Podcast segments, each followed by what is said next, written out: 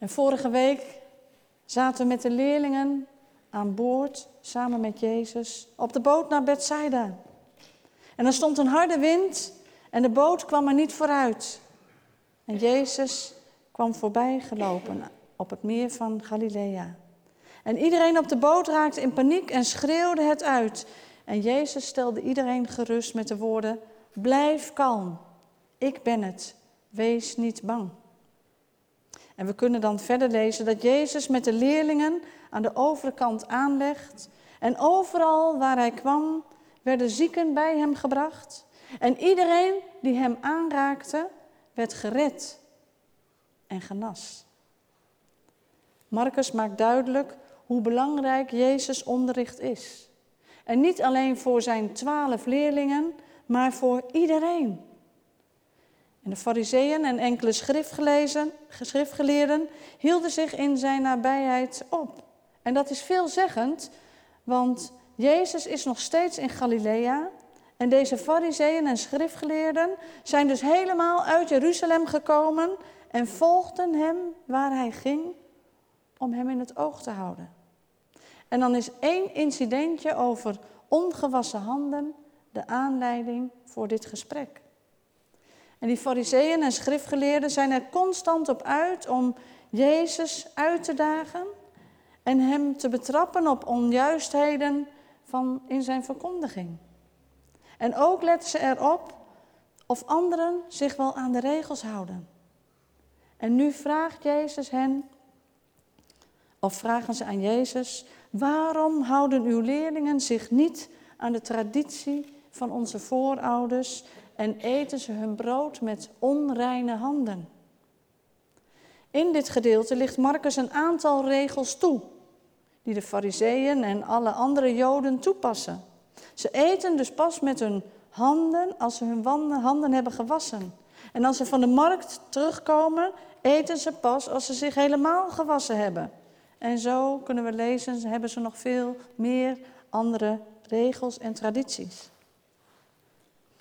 Het evangelie verspreidde zich in die dagen alom. En de brandende vraag diende zich aan of ook heidenen, de niet-Joden, die in Israëls God gingen geloven, ook aan de spijswetten van Israël moesten gaan geloven. Marcus was van mening dat die wetten geen barrière mochten vormen om tot het volk van God te behoren. En het evangelie kon naar zijn oordeel ook niet zonder die wetten in de wereld verkondigd worden. En Jezus' openheid voor die niet-Joden gaat gepaard met kritiek op die traditie en op de interpretatie door die fariseeën van de fariseeën. Van de voorschriften over die reinheid en over onreinheid. En ook daarin doorbreekt Marcus de grenzen tussen christenen van Joodse en van niet-Joodse afkomst. En natuurlijk is het een goede gewoonte om je handen te wassen voor het eten. Dat is hygiënisch en dat is ook zorgvuldig. En veel van die reinigingsvoorschriften die de Joodse wet kent, die hebben ook de bedoeling om het leven zuiver te houden. In allerlei opzichten. En als zodanig zijn ze goed. Maar ze kunnen zo gemakkelijk verkeerd worden gebruikt. En dat gebeurt als ze een eigen leven gaan leiden. Als ze een doel op zichzelf gaan worden. Als voorschriften belangrijker worden dan mensen en dan het leven. En op die aantijging van de fariseeën dat zijn leerlingen eten met ongewassen handen, reageert Jezus met een citaat uit Jesaja 29, het dertiende vers. Dit volk eert mij met de lippen, maar hun hart is ver van mij. Te vergeefs vereren ze mij, want ze onderwijzen hun eigen leer, voorschriften van mensen. En hierin zien we eigenlijk twee tegenstellingen, die tussen lippen en tussen het hart.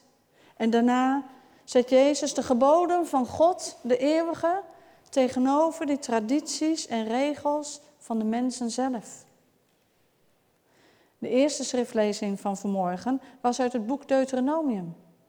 Wat zoiets betekent als tweede maal de wetgeving, waarmee verwezen wordt naar die eerste keer. die verbondssluiting op de Sinaï. En in een lange monoloog houdt Mozes hier, aan het einde van die omzwervingen van 40 jaar in de woestijn, die richtlijn nog eens voor aan die nieuwe generatie. De eerste vijf boeken van het Oude Testament worden de Torah genoemd. En het Hebreeuwse woord Torah betekent richtlijn. En dit is de richtlijn voor zowel Israël als volk, als ook voor ieder individu afzonderlijk. En Deuteronomium 10, de versen 12 en 13, bevatten die essentie van die Torah. Heb ontzag voor de eeuwige en het zal u goed gaan. En het gelezen gedeelte sluit af met wees hem toegedaan. De Bijbel in gewone taal zegt het ook mooi en misschien wel begrijpelijker voor sommigen. Jullie moeten eerbied hebben voor de Heer. Vereer alleen Hem. Wees Hem trouw. En als je iets plechtig belooft, noem Hem. Noem dan alleen de naam van Hem. Heb ontzag voor de eeuwige. Volgens de Joodse geleerde Maimonides is dat ontzag niet gebaseerd op angst, maar het wordt een levenshouding door het naleven van de geboden met liefde voor de medemens. Dat als basis. Geen angst, maar liefde voor de medemens. Zoals God in Jezus zelf laat zien. En ook hoe Jezus dat onderwijst in zijn evangelie. Liefde voor de medemens zonder aanzien des persoons. Hij is rechtvaardig en hij behandelt alle mensen gelijk. Hij steunt weduwen en wezen en neemt vreemdelingen in bescherming, geeft ze eten en kleding. hebben we kunnen lezen. Regels en voorschriften, geboden en verboden, de tradities waarin wij zijn opgegroeid, alles wat wij hebben meegekregen, al die dingen zijn goed om de weg in het leven te vinden en de goede omgang met jezelf en met elkaar en met God te hebben. Maar steeds opnieuw moeten we ons wel die vraag stellen: helpen al die regels ons daar vandaag ook echt bij? Bij het vinden van het goede leven.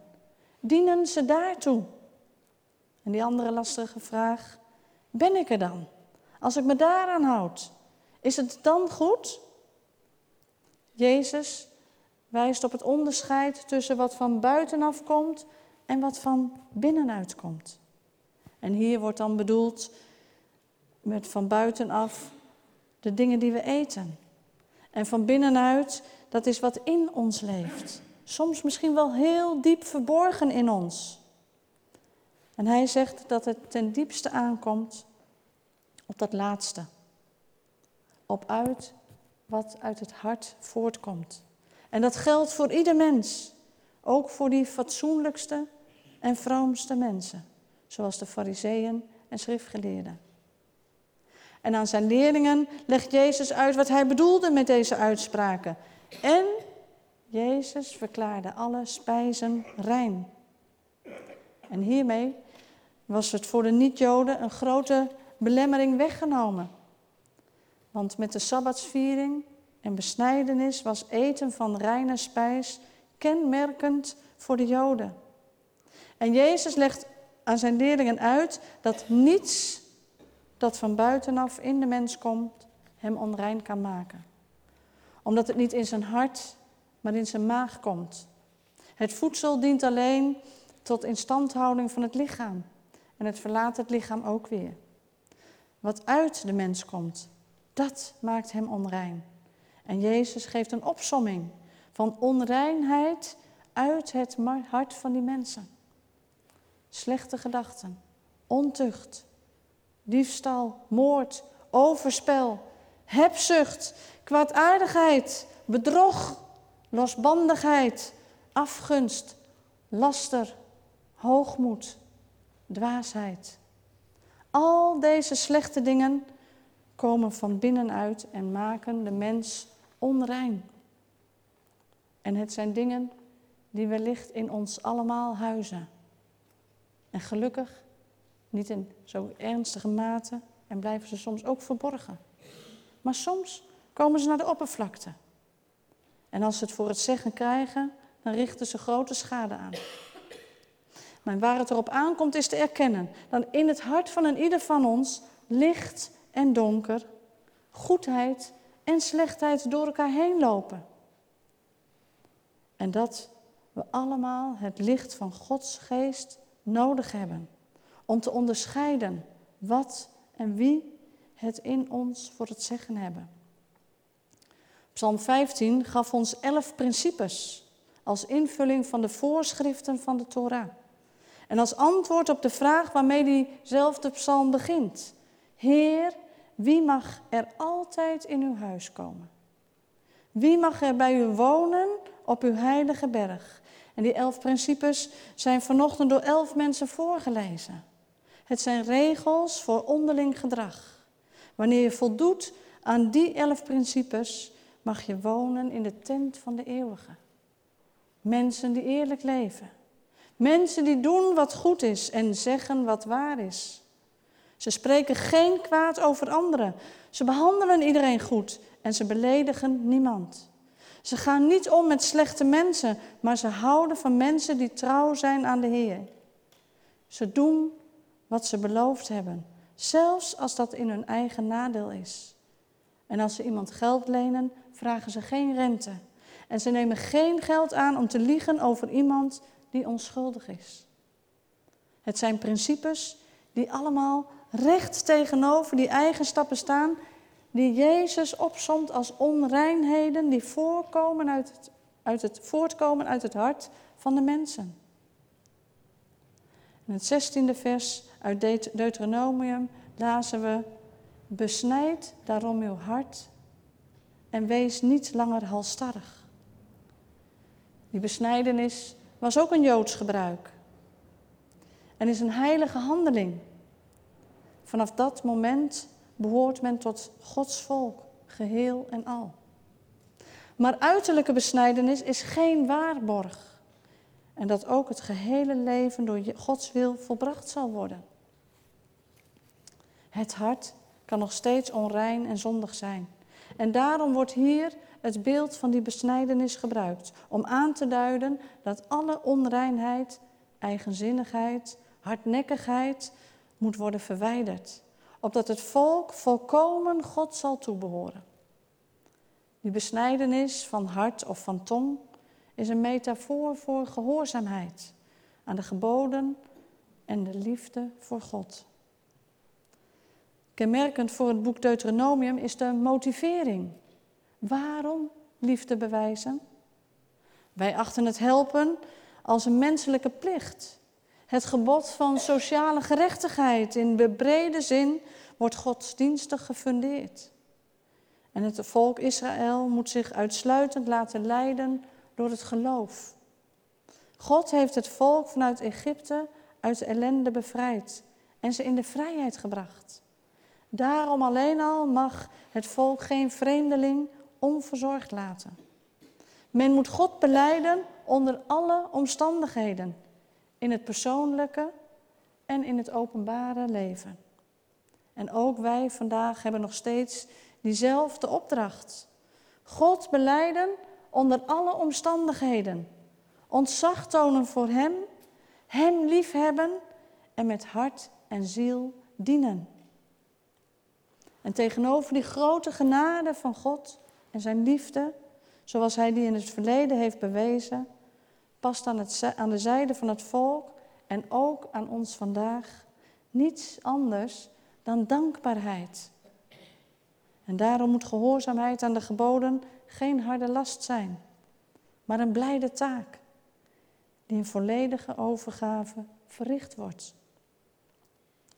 In 2015 werd het 150-jarig bestaan van het leger zelfs in Londen gevierd. Een aantal van u is daar denk ik geweest. Boundless, grenzeloos. En in zijn openingswoord van het programmaboekje van het congres schrijft onze scheidende generaal André Cox over grenzeloos. En hij zegt, het is een groots woord en herinnert ons eraan dat God geen grenzen kent. Zijn liefde is grenzeloos. Zijn genade is grenzeloos. Zijn vergeving is grenzeloos. En zijn kracht is grenzeloos. En als we Hem toelaten met zijn grenzeloze kracht in onze levens en de belofte van Gods Heilige Geest aanvaarden, dan zijn er geen grenzen aan wat Hij kan doen voor een ieder van ons persoonlijk. Wat uit de mens komt, dat maakt hem onrein. Alle slechte dingen komen van binnenuit en die maken de mens onrein. Maar ook voor ons vandaag geldt, besnijd daarom uw hart en wees niet langer halstarrig. Naast de donkere en slechte eigenschappen die er in ons hart zijn, zijn er gelukkig ook die lichte en goede eigenschappen. En dit noemen we de vruchten van de geest. Liefde en vreugde, vrede en geduld, vriendelijkheid en goedheid, trouw, zachtmoedigheid en zelfbeheersing. En de geest is aan een ieder van ons gegeven om deze vruchten voort te brengen. En laten we uit dankbaarheid aan God voor zijn grote liefde en genade niet langer halstarrig zijn, maar ons hart besnijden en goede vruchten voortbrengen. Amen.